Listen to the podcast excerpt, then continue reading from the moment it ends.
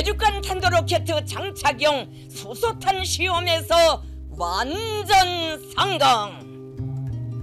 조선노동당의 전략적 핵무력 건설 구상에 따라 우리의 핵과학자들은 9월 3일 12시 우리나라 북부 핵시험장에서 대륙간 탄도로켓 장착용 수소탄 시험을 성공적으로 단행하였다.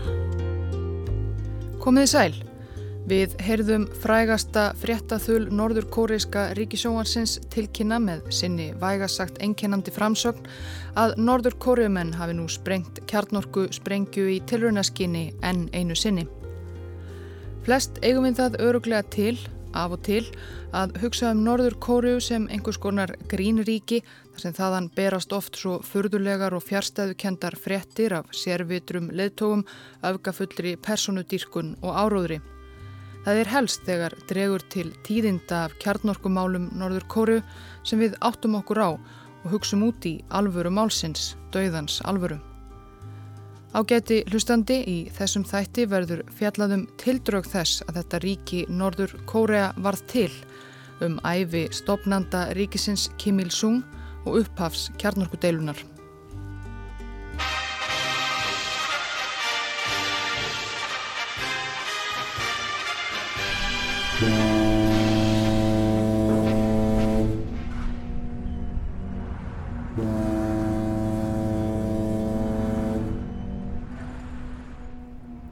Dag 1 í september 1945, nákvæm dagsetning er nokkuð á reiki en líklegt að það hafi verið þann 19. lagðist soviska gufuskipið Pugachev að Bryggju í hafnaborginni Vonsan á norður hluta Kóruuskagans eftir siglingu frá Vladivostok. Það var þá rúmur mánuður síðan Japanar hafðu játað sig sigraða og setni heimstyrjöldinni þá loksins lokið. Meðal þeirra fjölmörgu mála sem hinnir sigursælu bandamenn þurftu að huga að í lokstyrjaldarinnar var hvað skildi nú verða um nýlendur Japana í Asíu. Þar á meðal var Kóruuskægin sem Japanar hafðu sölsað undir sig árið 1910 og stjórnað með harðari hendi. Sovjíski herin hafi ráðist inn í skagan þann 8. ágúst 1945. Jósef Stalin hafði fallist á það á fundi með kollegum sínum Churchill og Roosevelt í Hjalta fyrra á árinu að sovjetmenn myndu blanda sér í stríðið í Asíu þremur mánuðum eftir að Sigur hefði unnist í Evrópu. Stalin hjælt það lovorð, Sovjetríkin lístu yfir stríði gegn Japan nákvæmlega þremur mánuðum eftir að bandamenn fjallust á uppgjöf þjóðverja þann 8. mæ. Í heimsfréttunum fjall innrásinn nokkuð í skuggan af öðrum viðburðum þessa fyrstu daga ágústmánaðar, kjartnorku árásunum á japansku borginnar Hiroshima 7. ágúst og Nagasaki 9. ágúst. En að þeim loknum var japanska keisaradæmið að niðurlótum komið og sovjíski herin átti ekki miklum vandræðum með að leggja undir sig hverja kórisku borgina og bæina og fætur öðrum. Svo hraður var framgangur þeirra að í Washington fór mennað ókýrast og gruna að ætlun sovjetmanna væri að leggja undir sig allan kóruuskagan. Það vildu bandaríkjaman ekki. Miklu fremur kusu þeirra að skaganum erði skipt upp á milli sigurvegarana eins og gert hafi verið í Þískalandi. Tveir ungir bandarískir herfóringjar fengu það verkefni 10. ágúst að afmarka skiptingu skagans. Hvorugur þeirra var neitt sérstakur sérfræðingur í málefnum kóru og svo hratt þurfti að ganga til verka að engin tími gafst til að ráðfæra sig við slíka. Nýja verða sér út um betra kort af skaganum en það sem þeir fundu í National Geographic.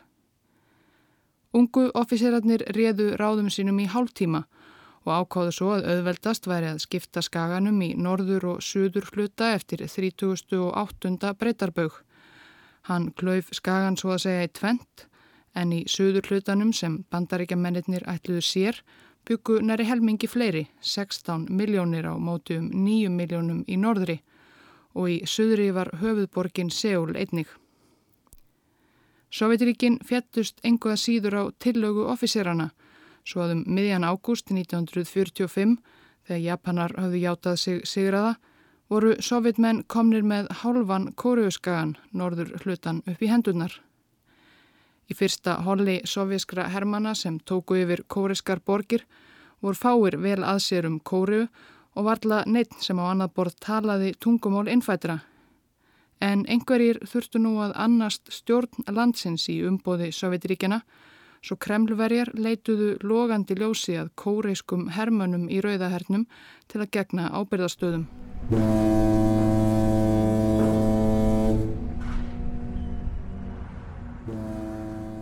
slíkra hermana var um borði í sovjíska gufuskipinu Pugachev sem kom til vonsan septemberdaginn 1945. Nánar tildekið liðsmenn kóreisku sveitar 80. og 8. alþjóðafylkingar rauðahersins. Meðal þeirra var fóringi þeirra, höfuðsmaður að tign. Sterkbyggður maður um þrítugt, klættur í þykkan herfrakka, sem var að snúa aftur til heimalandsins eftir meira en tvo áratögi erlendis. Og von bráðar átti hann svo eftir að verða aðsti leðtói þess. Höfuðsmaðurinn hétt Kim Il-sung.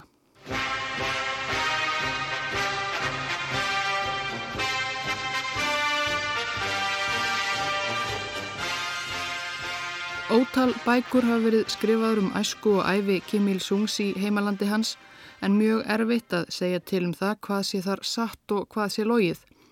Kim Il-sung byggði upp á valdatíðsinni mikla personleika dyrkun í kringum sjálfan sig og í opimberum æfinsögum hans er án efa að finna ótal góðsagnir og ígjur um afrek hans og hetudáðir. En fræðimenn utan Norður Kóru hafa þó reyndað púsla saman sannri æfisögu hans.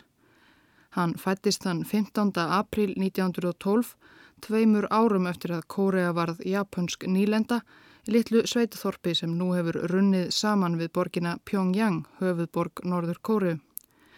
Hann hétt Song Yu fyrstu ár æfinar, nafnið Il Sung tók hann upp síðar. Að tvið að samkvæmt kóriskri nafnahefð er fjölskyldunafnið fyrst, það er að segja Kim í þessu tilviki. Sankvæmt opimberum æfisögum fættist pilturinn Kim Song-jú sem síður aðlaðist heimsfræð sem Kim Il-sung inn í sára fátæka bændafjölskyldu eins og sönnum kommunistaleð tóa sæmir.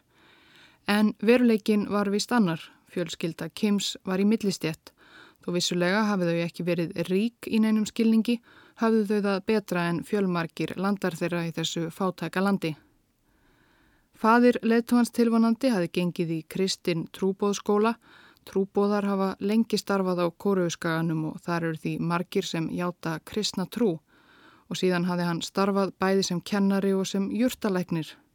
Hann giftist 15 ára gamall stúlku af góðri fjölskyldu, tveimur árum eldri og tveimur árum síðar eignuðustau sónin Kim Song-jú. Fóreldrar hans og nánustu ættingjar voru allir kristnir og þó nokkuð trúræknir, nokkuð sem Kim var síðar á æfinni ekki mjög stoltur af og reyndi að minnast á sem minnst í æfisögum. En í þeim brann einnig önnur ástríða sem átti eftir að hafa meiri áhrif á Kim hinn unga. Það var löngunin eftir sjálfstæði undan japanskum yfiráðum. Kóreiska menningum og rekja árþúsundir aftur í tíman og fyrsta konungsríkið á Kóruuskaganum leitt dagsins ljós líklega á sjöundu öld fyrir Krist og það konungsríki sem Japanar lögðu undir sig 1910 var þó meira en 500 ára gamalt. Kóruumenn litu því skiljanlega á hernámið sem mikla niðurlægingu og þráðu að sjá að baki Japanunum. Fadir Kim Il-sungs vann með sjálfstæðisreyfingu Kóruumanna og föður bræður hans einnig og allir þurftu þeirra að dúsa í fangelsi um tíma fyrir andofsitt. Sjálfur sagði Kim síðar að baráttu eldurinn hafi kviknað í hans eigins brjósti þegar hann var varla 7 ára gamall þann 1. mars 1919. Þá mótmæltu hundruð þúsunda kóruumanna japanskum yfiráðum viðsvegar um landið og einhver staðar í mannskaranum á mótmælafundinum í Pyongyang í fyllt foreldrar sinna var ungur Kim Il-sung.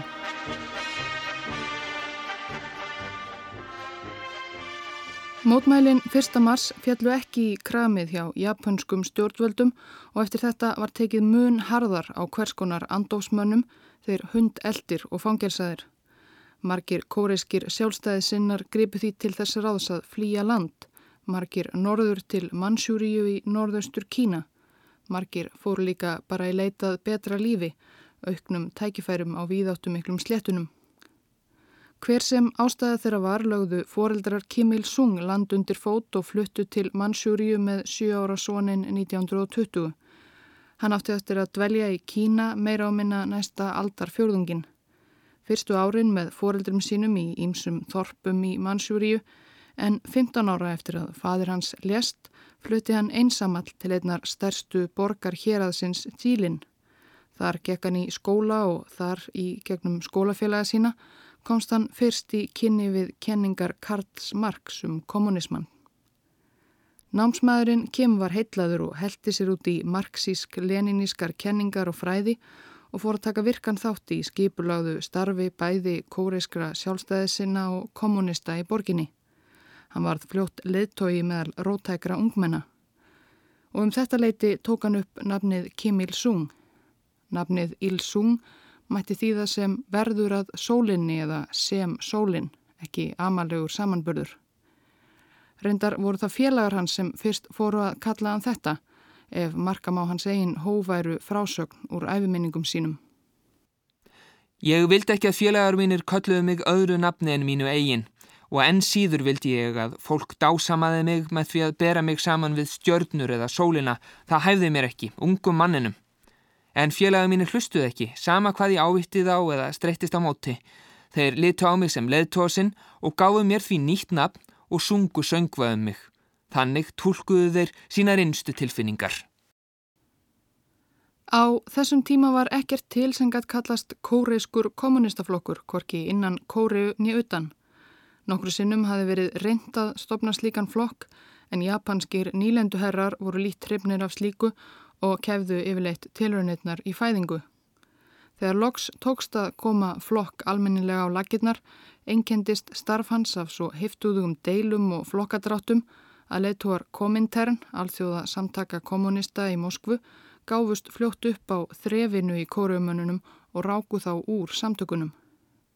Það var því kínverski kommunistaflokkurinn sem Kim Il-sung gekk til liðsvið árið 1931, 19 ára gamall og sama ár ákvaðan líka að grípa til vopna.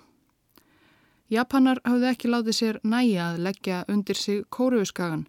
Þá dreymdi um að drotna yfir stóru heimsveldi í Asíu og hafðu meðal annars augastað á Mansjúriu. Þann 18. september 1931 sprakk örlítil sprengja við játbröytarteina í eigu japansks fyrirtækis við mansjúrisku borgina Mugden. Sprengjan var svo mátt lítil að teinarnir skemmtust varla neitt og lestarum ferð raskaðist ekkert. En japanar urðu æfir, sökuðu kínverska andofsmenn um þessi herfilegu skemmtarverk og bröðust við með því að korki meirinni minna en ráðast inn í mansjúriu strax daginn eftir sprengjudáðið. Auðvitað kom fljótti ljósað Japanar hafðu sjálfur komið sprengjuhleðslunni fyrir sem átillu til að hefja langþráða innrás. Innfættir mannsjúriumenn mynduðu skæruleðasveitir sem buðu fjölmönnum og þrautþjálfuðum japanska hernum byrgin. Meðal skæruleðana voru margir kóruumenn búsettir í mannsjúriu sem skiljanlega höfðu mikinn áhuga á því að leggja baráttunni gegn Japanum lið. Það gerði okkur eldteiti ungi baráttumadur Kim Il-sung og ekki leið á löngu þar til hann var orðin leðtogi fámennrar sveitar kóreiskra skæruliða.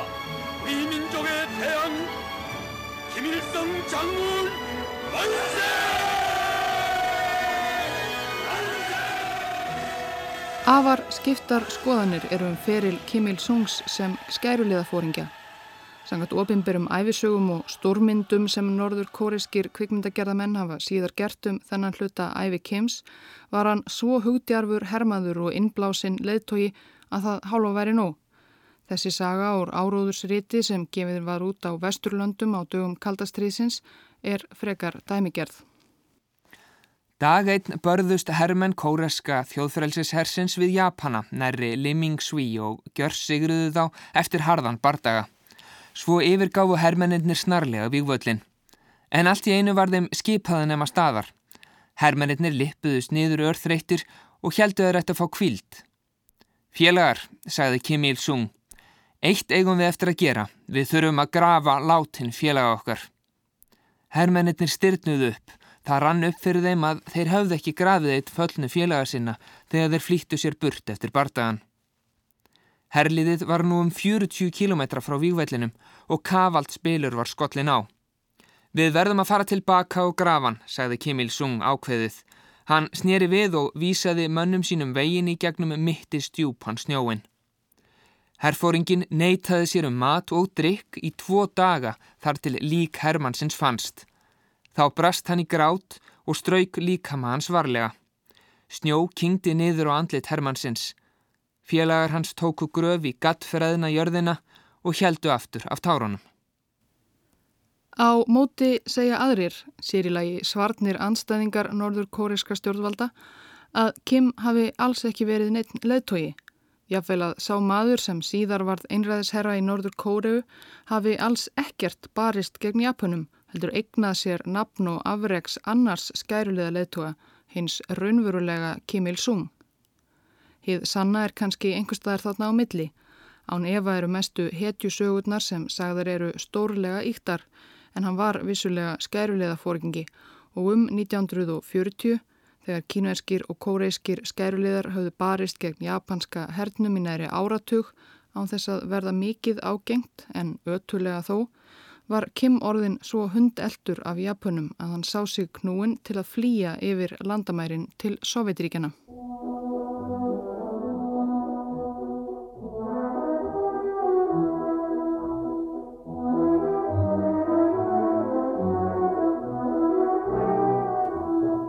Flóttamennir Kim og menn hans voru innleimaður í Rauðaherin sem kórisk sveit 80. og 8. alþjóðafylkingarinnar. Þeir lutu frekari herþjálfun í herbúðum skamt frá borginni Kabarovsk austast í Sýberju, bæði í vopnaburði sem og í kommunisma fræðum einhverjum og leittói þeirra Kim Il-sung var útnemdur höfuðsmaður. Þeir áttu þó lítið eftir að berjast meir en dvöldu flestir í herbúðunum við Kaparovsks til stríðsloka. Höfuðsmaðurinn Kim Il-sung gifti sig vopnasistur sinni Kim Jong-suk og fættist þeim hjónum þann 16. februar 1941 sonur sem fikk nafnið Kim Jong-il og átti eftir að taka við af föður sínum sem leittói Norður Kóru. Reyndar samkvæmt hinnum öfgakendu góðsögnum sem hafa verið spunnar um æfi þeirra allra Kim Lang-feðgana í Norður Kóru og reykið hefur verið í bókum, kvikmyndum og áróðursöngum, fættist Kim Jong-il í leynilegum skæruleiða bækistöðum í eldfjalli nokkru á landamærum Mansjúriu og Norður Kóriu. Og það fylgir sögunni að þegar hann leitt dagsins ljós í fyrsta sinn byrtist tvöfaldur regnbógi og ný stjarnar á himni og vetur varð umsvefa löst að vori. En hið rétta er sem sagt að hann fættist í litu þorpi rétt fyrir utan Kaparovsk í Sýberju.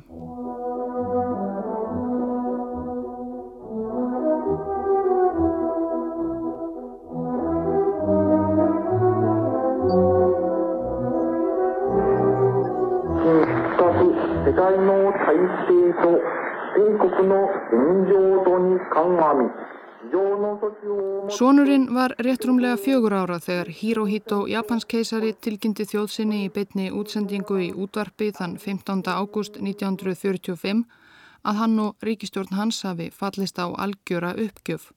Heimstyrjöldinni var lokið.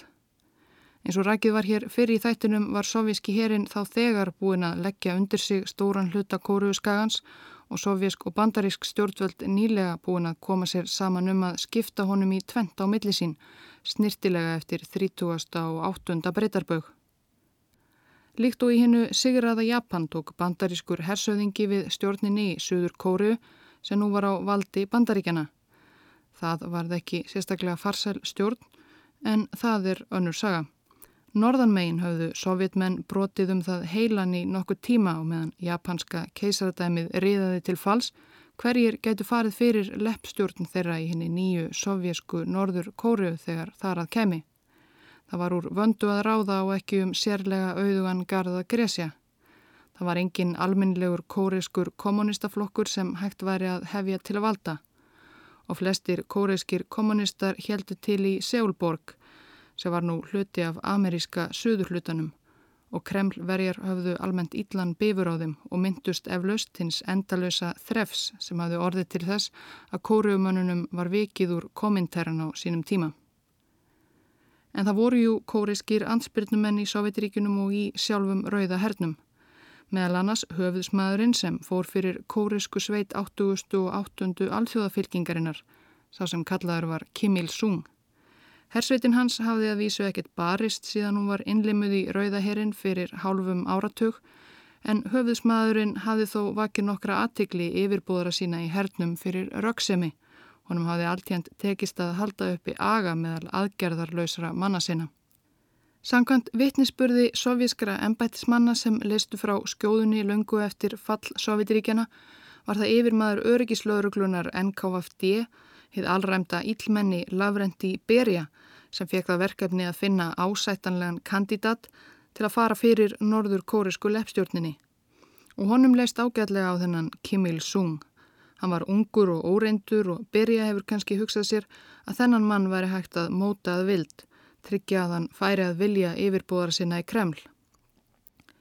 Að hendingu var Kim Il-sung sendur á fund sjálfs Jósefs Stalins sem veitti honum samþykki sitt og svo var Kim settur upp í gufiskipið Pugachev og til heimalandsins sem hann hafi þá varla stíið fæti á í aldar fjórðung.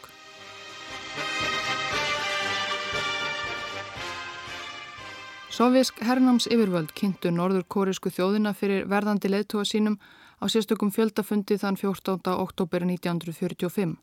Meira en 100.000 manns söpnuðu saman á aðal torkinu í Pyongyang sem nú var orðin höfuð borginnar nýju norður kóru til að fagna nýfengnu frelsífundan japansku oki. Eftir nokkrar lofræður um afreikans á víguvellinum og leðtóa hæfileika steig Kim Il-sung sjálfur loksins á svið.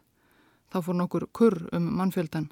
Flestir hafðu ímyndað sér þennan margumræta herfóringja öðruvísi, að hann væri eldri, lífsreindur stríðsmaður. En á sviðinu byrtist þessi stað 33 ára gammal maður búlduleitur í bláum jakkafötum sem virtust vera einu númeri of lítil.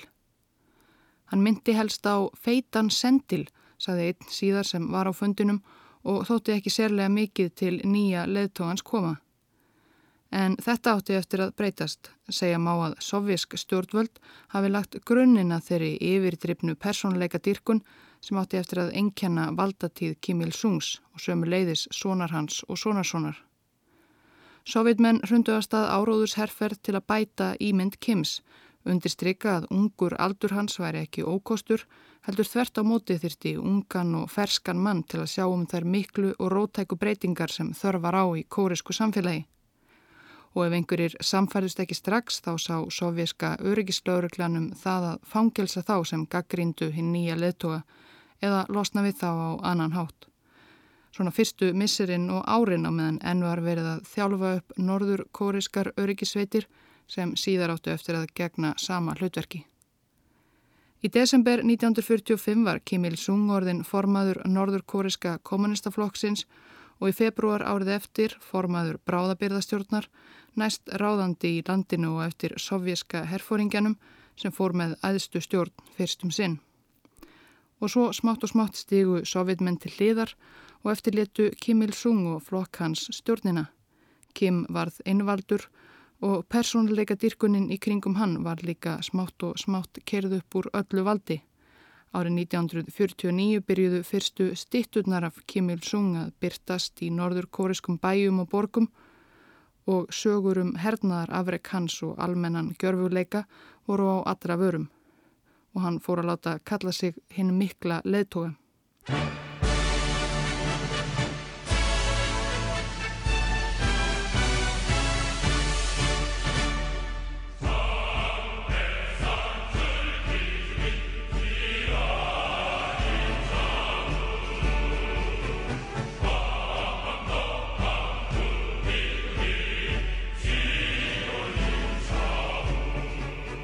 Miklar og rótækar breytingar var sannlega það sem fyldi. Á fyrstu árunum eftir lok heimstarildarinnar var samkant fyrirmælum frá Stalin sjálfum allur helsti yðnaður norður kóru þjóðnýttur og ráðist var í mikla uppskiptingu jarða og landaregna. Landi í eigu Japana eða kóreiskra stórbænda var gert upptækt, skipt upp og útlutað fátækum, kotbóndum og leigulegðum.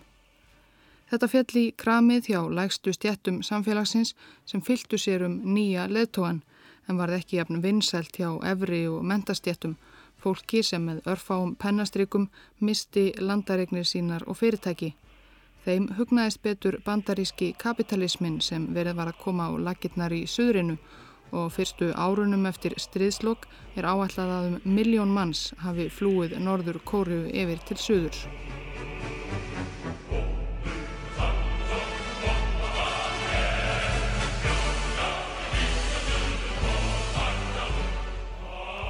Í norður og söður kóruður þessu tvö gjör ólík samfélög á árunum eftir stríðslokk með gjör ólík efnahags og stjórnkerfi. En í kvorugri kóruðunni sættu menn sig í raun við það að skaganum hefði verið skipt upp. Stjórnvöldi bæði norður og söður kóruðu litur svo á að skiptingin ætti ekki að vera til frambúðar. Á endanum er því skægin saminnaður á ný og auðvitað letu þau bæði svo á að þau væru einu réttmætu stjórnvöldin sem fara ættu með völd á sameinuðum kóruuskaga. Í báðum ríkjum dreymdu menn því um að innlima hitt, en það var í norðurhlutanum sem mönnum var mest í munum að gera þann draum að veruleika. Kim Il-sung var ekki fyrrkomin til valda í Pyongyang að hann fór að yða í skinninu að ráðast inn í suðurhlutan Hann byðlaði fljótt til velgjörðamannsins Jósefs Stalin um að veita honum leifi og aðstóð við innrásina. Stalin var í fyrstu ekki mjög spentur fyrir þessari hugmynd, ekki síst það sem það var allt krökt af bandarískum hermönum í Suður Kóru og ekki efst á forgangslistanum að espa sjálf bandaríkin upp í stríð. En Kim helt áfram að þrýsta, ferðaðist sérstaklega til Moskvu og fund Stalins til að reyna að tala hann á að ráðast inn í Suður Kóru. Kim fullvisaði Stalin um að sunnan megin væri almenningur óður og uppvægur í að sameinast alþjóðliðveldi hans og myndi rýsa upp gegn oki kapitalismans um leið og norður kóriskir hermenn heldu yfir 30. og 8. breytarbög. Stríðið myndi ekki taka nema svona þrjá daga í mestalagi, fullirti Kim. En Stalin var áfram skeftiskur, alltaf til í ársbyrjun 1950 Þá hafði staðan á Kóruuskaga breyst nokkuð. Bandaríska herliðið var farið frá Suður-Kóru og sovjetmenn hefðu þarðu ekki komið sér upp kjarnorkusprengju. Þá hefðu kommunistar tekið völdin í Kína án þess að bandaríkin skiptu sér mikið af, svo því ættu þeir að skipta sér af auðmum og ómerkilegum Kóruuskaganum.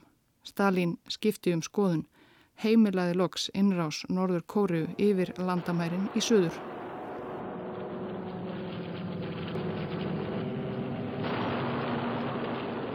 Stríðið hófst hann 25. júni 1950. Fyrstu vikunnar gekk alltaf óskum stjórnvalda í Pyongyang. Það vísu ekki alveg eins hratt og öruglega og söður kóriskur almenningur reyndist ekki alveg eins óður og uppvægur að rýsa upp gegn oki kapitalismans og Kim hafði spáð. En norður kóriski herin var engoða síður öflugur og vel búinn sovjaskum vopnum og í ágústbyrjun 1950 hafðu norðanmenn lagt undir sig svo gott sem allan skagan um 95%. Og þó svo að Stalin hafi veðjað á að öllum væri í raun sama um örlög kóruðu skagans, þá var mörgum nú hætt að lítast á blikuna. Þar á meðal voru bandaríkjaman. Í kvítahúsinu satt fórsetin Harry S. Truman og honum var mikið í munað hindra framgöngu kommunismans á alþjóða vettvangi. Og Trúmann var ekki hrifin af tilugsuninni um að kommunistar legðu undir sig kóruuskagan, alls ekki. Nógu sleimt var að hafa mist Kína í hendur kommunista að þeir hyrtu ekki kóruuskagan líka. Ef kommunistar undir vendarvæng Sovjetríkjana næðu kóruuskaga væri þeir farnir að ógna Japan og í raun bandaríkunum sjálfum líka, þannig hugsaði Trúmann. All the things we believe in are in great danger. This danger has been created by the rulers of the Soviet Union. The future of civilization depends on what we do, on what we do now and in the months ahead. Svo Trúmann ákvaðað blanda sér í málið. Þann 15. september gerði herlið undir stjórn hersöðingjans Douglas MacArthur sem um þessar myndir var einnig einskonar landstjóri bandarækjamanna í Japan innrás á hafnaborgina Incheon á vesturströnd Kóruuskagans. Þetta átti að heita Alþjóðalið saminuð þjóðana en raunin var að bæði var bandaríkjastjórn aðal driffjöður framtagsins og bandarískir hermenn skipuðu mikinn meirhluta herliðsins. Norður kóriski herin hafði ekki róðu við þeim bandaríska þrátt fyrir öll sín fínu sovísku vopn og örskotstundum og segja að gangur stríðsins hafi umturnast. MacArthur og félagar hröktu norður kóriska herin á harðan flóta yfir 30. og 8. breytarbögg. En það voru ekki bara bandarækjumenn sem hafðu huga á því að skipta sér af. Eins og ég sagði áðan hafðu kommunistar nýlega komist til valda í Kína og þegar þeir horðu upp á bandarækjumenn berja á skoðana bræðrum þeirra og nágrunum rann þeim blóðið til skildunar. Ekki síst þegar bandaríkjamenn og bandamenn þeirra voru búinir að rekja norðarmenn svo langt norður að þeir nálguðust kínversku landamærin. Í lok oktober réðst kínverski herin gegn þeim söður kóriska og alþjóðlegum bandamennum þeirra. Kínversku herrmennir voru þölvanir og þraut þjálfaðir eftir áralanga borgarastyrjöld og fóru hratt og öruglega yfir.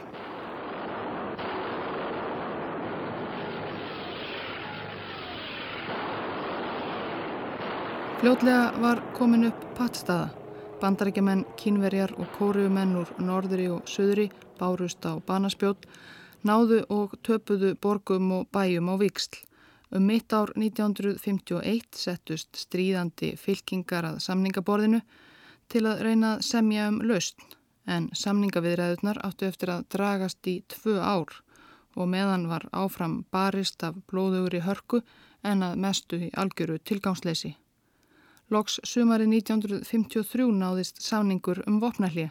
Hann fól meðal annars í sér að búið var til hlutlaust belti milli stríðandi ríkjana tvekja ymitt við 30. og 8. breytarbögin þar sem landamæri þeirra hafðu leið áður. Staðan var því svo gott sem svo sama og áður en átökin hafðu brotist út nema hvað hundruð þúsunda hafðu fallið í valinn. Það verður aldrei verið samið endanlega um frið svo að tæknilega séð eiga Norður og Suður Kórea enn í stríði og spennan við varstöðvar begja vegna hlutlausa beltisins er áþreifanleg og af og til verða þar enn mannskæðar skærur.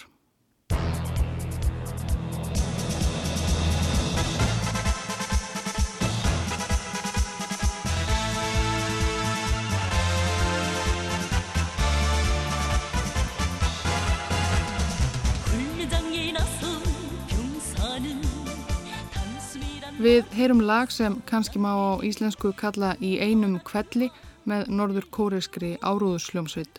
Læð var gefið út til að fagna kjarnorku sprengju tilraun norður kóriumanna árið 2013.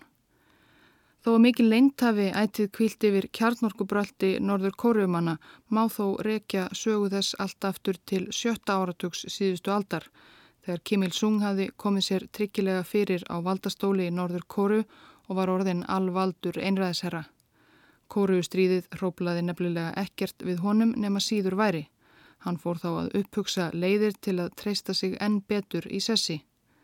Þá á sjötta áratugnum voru bara örf á ár síðan bandaríkja menn vörpuðu kjarnorku sprengjum á japansku borgirnar Hiroshima og Nagasaki og flestum var hryllilegur eidileikingamáttur þeirra í fersku minni.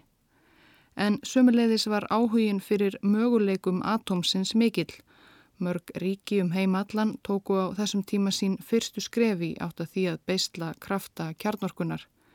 Dwight Eisenhower sem tók við af Truman á fórsetastóli í bandaríkunum setti þannig á lakirnar árið 1953 sérstatt prógram til þess að hjálpa ríkjum vinnveitum bandaríkunum að koma sér upp kjarnorku áætlun í friðsamlegum tilgangi. Meðal landa sem nutu góðs af þessu var til dæmis Íran eins og diggir hlustendur í ljósu sögunar muna kannski eftir úr fyrir þætti um kjarnorkusögu Írans. Og Sovjetríkin voru sömuleiðis reyðubúin að hjálpa vinum sínum á kjarnorkubrautinni. Það var því um svipað leiti á sjötta áratugnum og bandarískir sérfræðingar hjálpuðu Írunum að koma sér upp sínum fyrsta kjarnakljúfi að sovjískir vísindamenn aðstóðu norður kóreiska kollega sína við að taka fyrstu kjarnorkuskrefin. Fátt bendir til annars en að markmiðið þá hafi verið annað en að nota kjarnorku í friðsamlegum tilgangi, einfallega til raforkuframleyslu. Allavega var það aldrei markmið stjórnvalda í Moskvu að hjálpa norður kóruumönnum að koma sér upp kjarnorku sprengju. En þegar norður kóriskir vísindamenn voru á annað borð byrjaðir að sísla við kjarnorku má ímynda sér að tilugsuninum sprengjuna hafi fljótt byrjað að hitla Kim Il-sung og félaga í framvarðasveit ríkisins. Ekki síst af því að einmittum svipaleiti ákvóðu bandaríkjumenn að það væri við hæfi að geima slatta af kjarnorkuvofnum sínum einmitt í Suður Kóriðum.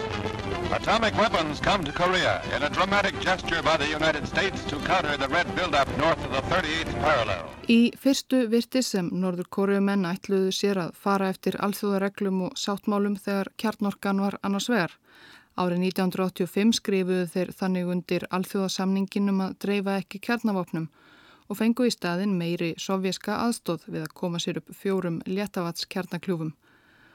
Og árið 1991 héttu bæði Kóruuríkin að frumkvæði bandaríkjamanna að búa hvorki til nýja verða sér úti um kjarnorkuvopn með öðrum leiðum eða hafa nokkuð með þau að gera.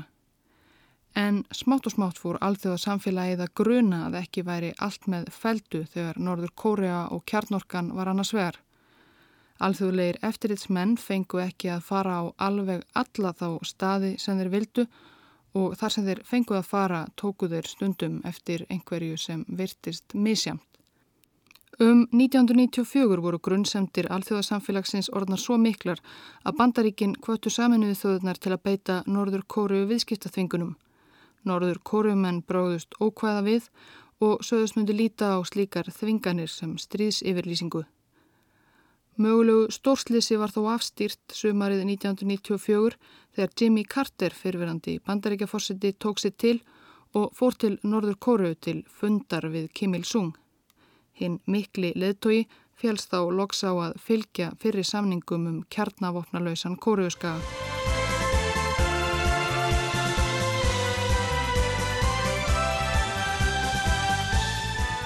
Það er ekki gott að segja hvort að Kim Il-sung ætlaði sér að standa við samkómulæðið við Carter en alltjent þá leiði ekki áratögur þar til vafasum kjarnorkumál Norður Kóru komust aftur í hámæli.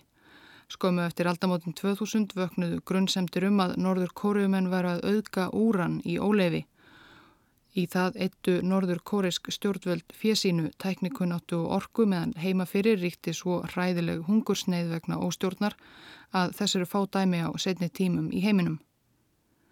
Uppkomstum síðir að norður kóriks stjórnvöld höfðu keift á laun, tækjabúnað og upplýsingar af pakistönskum kjarnorkuvísindamanni, manniðanafni A.Q. Khan, sem seldi einnig dýrmæta en hættulega þekkingu sína ríkjum eins og Íran og Líbíu og síðan hefur alþjóðasamfélaginu orðið lítið ágengt í tilraunum sínum til að hemja kjarnorku áallun norður kórumanna sem eru nú löngu hættir að reyna að fara lengt með það að þeir eru að þróa kjarnavopn og það gengur bærilega ef markam á síðustu tilraunir.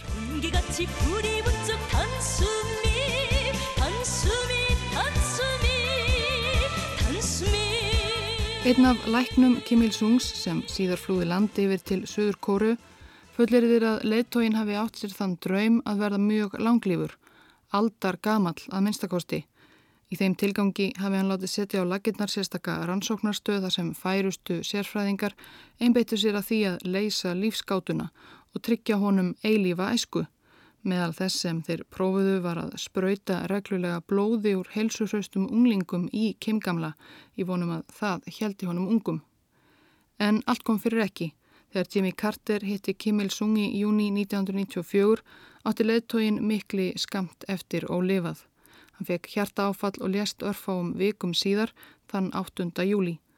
Hann var 82 ára og hafi verið leðtógi Norður Kóru í 46 ár og auk þess að hafa komið sér upp kjarnavopnum og með linnulösum áróðri ítt undir fáránlega dyrkun almennings á eigin personu hafði hann byggt upp grimmilegt og miskunnulöst laurugluríki þar sem ekkert andof leiðist og mönnum var stungið í ömurlegar fangabúðir fyrir það eitt að kvísla eitt gaggrínt orð. Eftir að tilkynnt var um andlát þessa mikla leðtóa síndi Norður Kóreska ríkisjómarpið hins vegar ótrúlegar myndir af hágrátandi og öskrandi fólki á gödumúti bókstaflega störlað af sorg vegna fráfalls Kims. Vandlega smurt lík Kims kvíli nú í gríðarstóru grafísi í Pyongyang en það var hann eftir andlátið útnefndur eilífur forseti Norður Kóru hvernig sem það nú virkar. En sonur hans Kim Jong-il Sá sem hafði fæðist í Þorpi rétt utan við Kabarovski í Rúslandi en ekki í leynilegri herstöð í Eldfjalli því munið, tók við daglegri stjórn landsins. Hann tók við erfiðu búið því á síðustu árum stjórnar föður hans hafði norður kóriskum efnahag rakað herfilega og eftir fall Sovjetiríkjana hafði landið þarðauki mist sinn eina eiginlega bandamann sem það átti eftir. Ríkið var því fátækara og einangraðra en nokkur sinni fyrr og það var ekki á stefnusgrá sonarins að bæta mikið úr því. Þá braust út hungursneiðin mikla. En það er saga sem eftir vill verður fjallað betur um síðar í þessum þætti.